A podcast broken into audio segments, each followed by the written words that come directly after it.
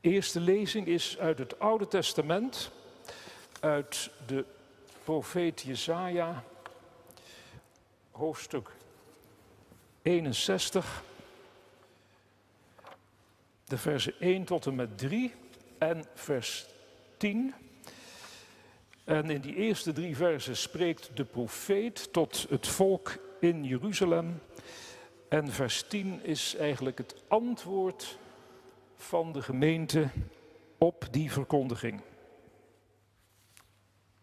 De geest van God, de Heer, rust op mij, want de Heer heeft mij gezalfd. Om aan armen het goede nieuws te brengen, heeft Hij mij gezonden. Om aan verslagen harten hoop te bieden. Om aan gevangenen hun vrijlating bekend te maken en aan geketenden hun bevrijding. Om een genadejaar van de Heer uit te roepen en een dag van wraak voor onze God. Om allen die treuren te troosten, om aan Sions treurenden te schenken een kroon op hun hoofd in plaats van stof, vreugdeolie in plaats van een rouwgewaad, feestkledij in plaats van verslagenheid. Men noemt hen terebinten van gerechtigheid, geplant door de Heer als teken van zijn luister. Ik vind grote vreugde in de Heer. Mijn hele wezen jubelt om mijn God. Hij deed mij het kleed van de bevrijding aan, hulde mij in de mantel van de gerechtigheid zoals een bruidegom een kroon opzet, zoals een bruid zich tooit met sieraden. Tot zover de eerste lezing. De tweede schriftlezing is uit het Nieuwe Testament, uit de brief van Paulus aan de Galaten, hoofdstuk 3. Een kort fragment uit het lange hoofdstuk 3, de versen 23 tot en met 28. Voordat het geloof in Christus kwam, werden we door de wet bewaakt. We leefden in gevangenschap tot het geloof geopenbaard zou worden. Kortom, de wet hield toezicht op ons totdat Christus kwam, zodat we door ons geloof als rechtvaardigen konden worden aangenomen. Maar nu het geloof gekomen is, staan we niet langer onder toezicht. Want door het geloof en in Christus Jezus bent u allen kinderen van God. U allen die door de doop één met Christus bent geworden, hebt u met Christus omkleed. Er zijn geen Joden of Grieken meer slaven of vrije, mannen of vrouwen, u bent allen één in Christus. Tot zover de lezing van de Heilige Schrift. En de tekst die in de prediking centraal staat, vindt u in vers 27, eigenlijk het laatste deel. U hebt u met Christus bekleed.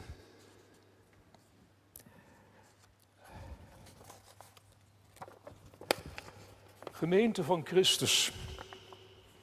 We hoorden vanmorgen aan het begin bij de lezing van Gods gebod hoe Paulus ons aanspoort om ons leven te richten op Jezus Christus onze Heer. En dan zegt hij niet, volg Jezus na. Ik denk dat wij dat gezegd zouden hebben op die plaats. Want als er één woord is waarmee wij graag onze verhouding tot Jezus onder woorden brengen, dan is het navolging. Christen zijn, als christen leven, wat is dat? Jezus navolgen. Maar Paulus zegt niet, volg Jezus na. Hij zegt, trek Jezus aan. Hij stelt Jezus ons niet voor ogen als een leider die wij achterna lopen, of als een voorbeeld dat wij moeten nadoen.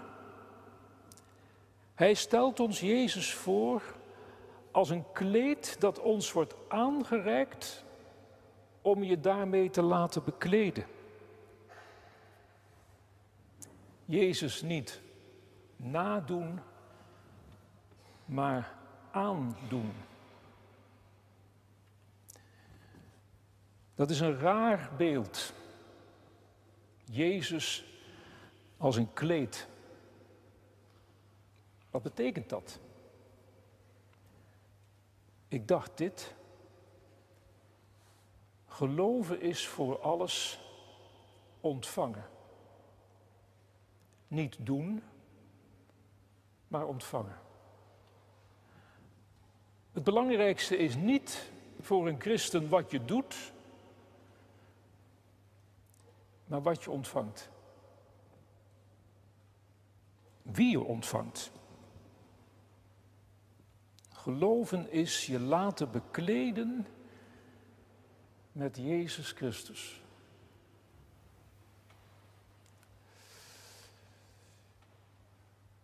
Dat beeld is niet totaal nieuw. Jesaja 61. Hij deed mij het kleed van de bevrijding aan. Hij, God, hulde mij in de mantel van de gerechtigheid. Die jubelzang, dat is de taal van het geloof. Dat is het antwoord van de gemeente als de vreugdeboodschap heeft gehoord uit de mond van de profeet, die gezalfd was, een Messias, toegerust met Gods geest, om te spreken tot de treurenden in Jeruzalem, in die puinhoop waar niets was overgebleven van de tempel en het paleis. Waar die profeet tot die treurende mensen in die verwoeste stad zegt, ik geef jullie een kroon op het hoofd, vreugdeolie in plaats van de stof waar je in kruipt, een feestkleed in plaats van verslagenheid.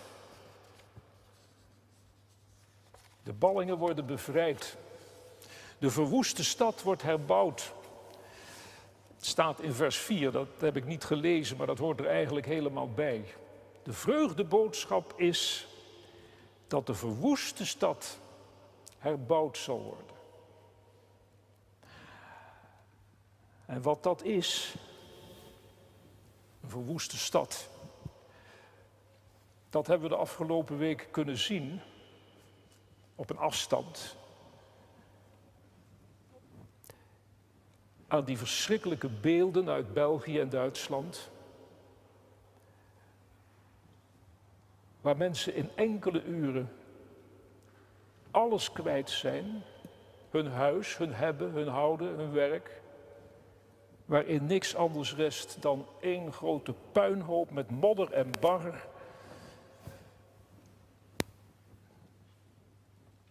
waar je gewoon niet weet hoe het verder moet.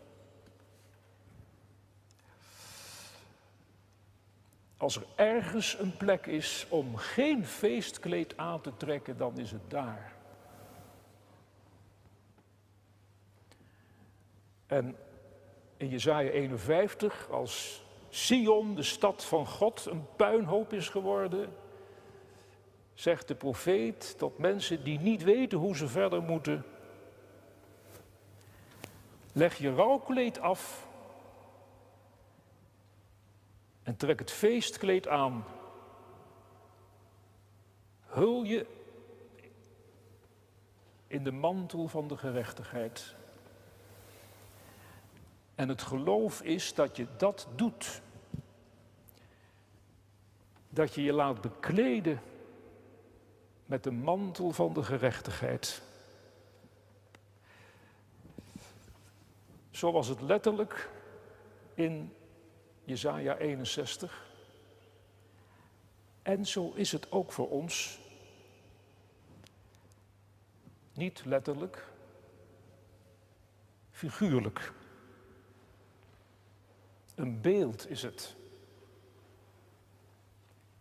Maar waarvan is het dan een beeld? Wat is dan voor ons, christenen, de mantel van de gerechtigheid? Is dat een nieuw ideaal? Een nieuw voorbeeld? Een nieuwe levensbeschouwing? Een nieuwe levenshouding? Een nieuw karakter? Een nieuwe deugd?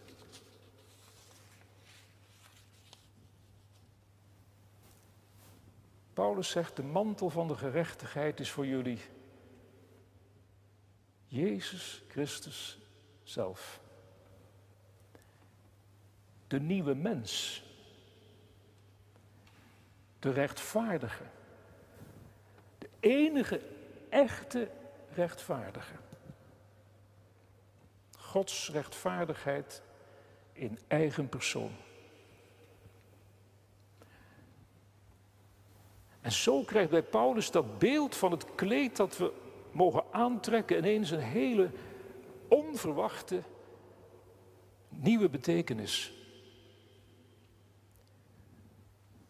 Geloven, dat is in Christus zijn, zoals je in kleren bent die je passen. Zo in Christus zijn dat je bij Hem past. En zoals iemand die hard loopt één wordt met zijn sportbroekje en zijn sporthemdje. En zoals iemand die Gods woord verkondigt één wordt met het ambtsgewaad waarin hij dat moet doen. Zo worden wij in het geloof allemaal één met Christus.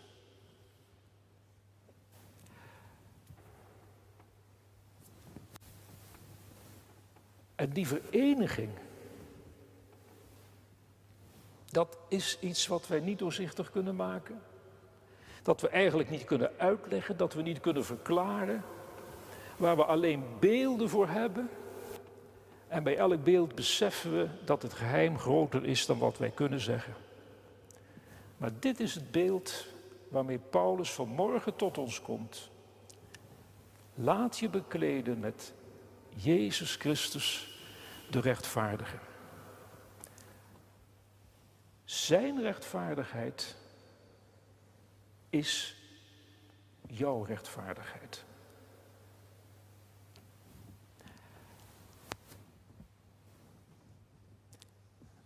En alleen zo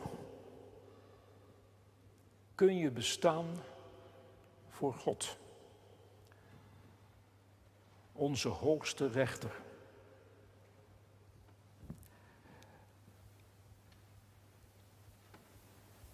En dat het alleen zo kan. Dat is de grote ontdekking geweest in het leven van Paulus. En daar is hij alleen door grote schade en schande achter gekomen. En daarom vertel ik u dat nog maar even kort na, hoe dat gegaan was. Want hoe had Paulus het geleerd van jongs af aan? Rechtvaardig word je voor God als je alles doet wat in de wet geschreven staat. Paulus had dat serieus genomen. Paulus heeft dat geprobeerd. Met alles wat in hem was. Met grote ernst. Met totale inzet. En hij ging tot het randje. Totdat hij over de rand ging en de grootste misdaad pleegde die een mens plegen kan. De vervolging van de christenen en daarin de vervolging en de moordaanslag op Jezus Christus zelf. En toen hij dat inzag, lag heel zijn leven in puin. En was er niets meer waarmee hij de stukken nog bij elkaar kon leggen. En had hij niets meer in handen waarmee hij voor God zijn rechtvaardigheid zou kunnen bewijzen. Toen stond hij naakt en leeg voor zijn hoogste rechter.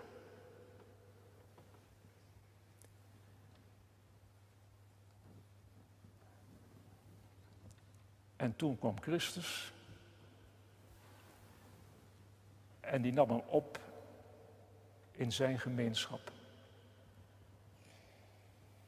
En Christus bekleedde Paulus met zichzelf, met zijn eigen, met Christus eigen gerechtigheid.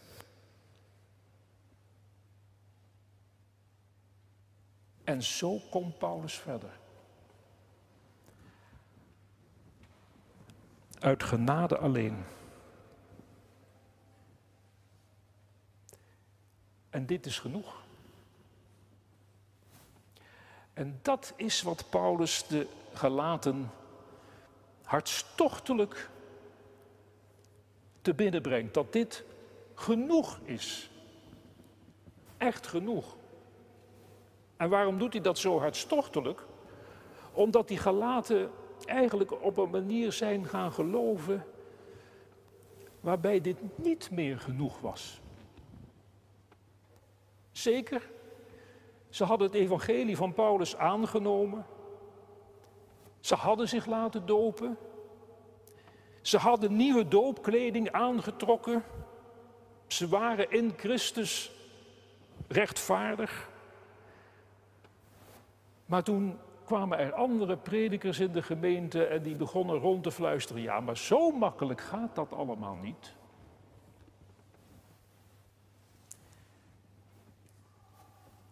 Dat is goedkope genade. Je zult er zelf ook wel wat voor moeten doen. Begin eerst maar eens de wet na te leven. Laat je eerst maar eens besnijden, enzovoort, enzovoort. En wat ziet Paulus dan gebeuren? Hij ziet dat de wet dan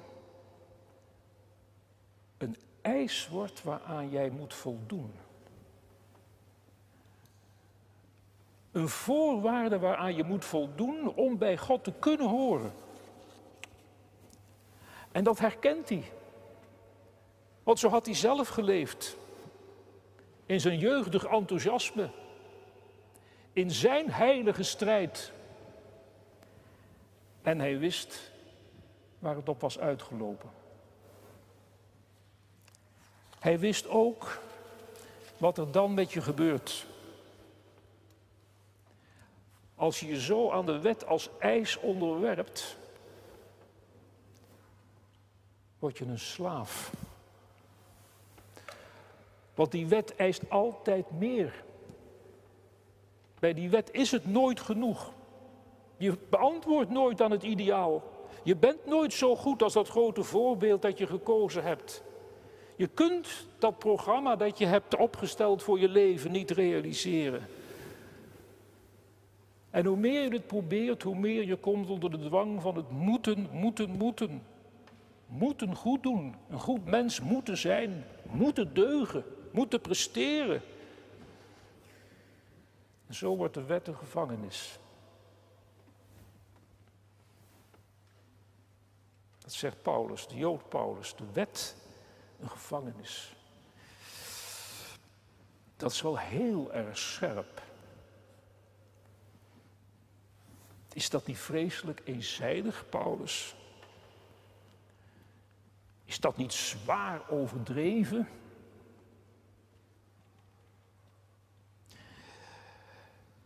Paulus wist waar hij het over had.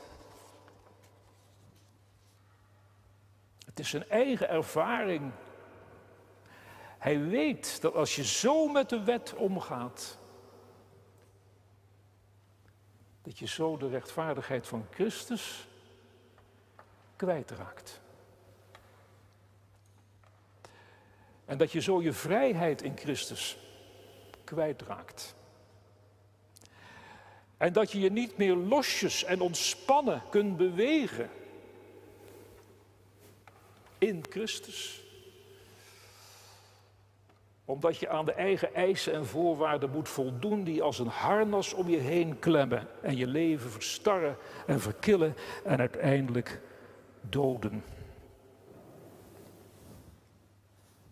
En dan gebeurt er nog wat. Als je zo omgaat met de wet. Het wordt een middel om jezelf te rechtvaardigen. Niet alleen om goed te zijn, maar eigenlijk ook om beter te zijn dan anderen. Om het bij het rechte eind te hebben, om je gelijk te halen. om anderen te veroordelen.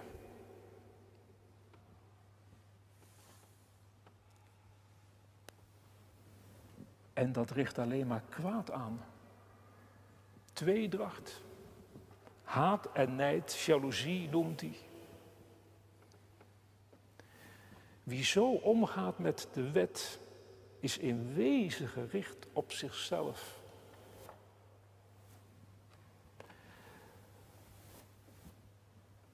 en niet op de ander.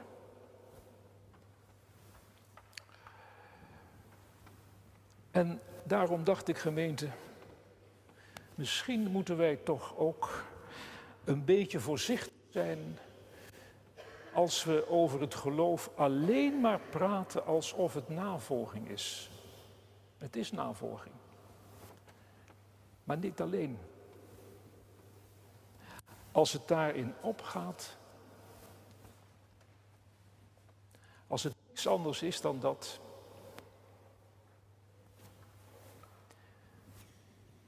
Leggen we onszelf geen nieuw juk op? En worden we geen eisende mensen naar anderen toe, maar ook naar onszelf toe? En kunnen we dan nog lief hebben? Want liefde is de vervulling van de wet. Zeker, de wet moet worden vervuld. Paulus is nergens tegen de wet, die is goed, want het is de wil van God. Maar de wet kan worden misbruikt. Dan wordt de wet een stok om te slaan in plaats van een weg om te gaan. Maar als de wet ons een weg wordt om te gaan, dan leren wij liefhebben. Omdat we dan gericht worden op de ander. Niet langer op onszelf, maar op de ander. En, zegt Paulus zo prachtig, de liefde doet de ander geen kwaad. Daarom is liefde de vervulling van de wet.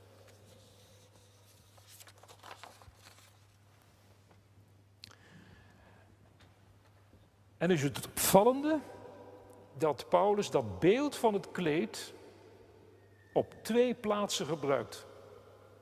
In Galaten 3 en in Romeinen 13. Maar ook op een verschillende manier. In Galaten 3 is Christus het kleed van de gerechtigheid. In Hem zijn we rechtvaardig voor God. Dat is genoeg, daar kan niks van af, daar hoeft niks bij. En dan zegt hij toch in Romeinen 13, bekleed jezelf met, het, met Christus om ons tot liefde te bewegen. En dat mag je elke dag doen. Je laten bekleden met de liefde van Christus. Om je daarin te gaan bewegen. Zodat je leven gaat passen bij dat kleed. Zodat je de ander ziet staan zoals Jezus de ander ziet staan. Of, zoals ik gisteravond te horen kreeg, onverwacht op mijn avondwandeling. Zodat je je naaste kunt gaan liefhebben zoals Christus jou heeft liefgehad.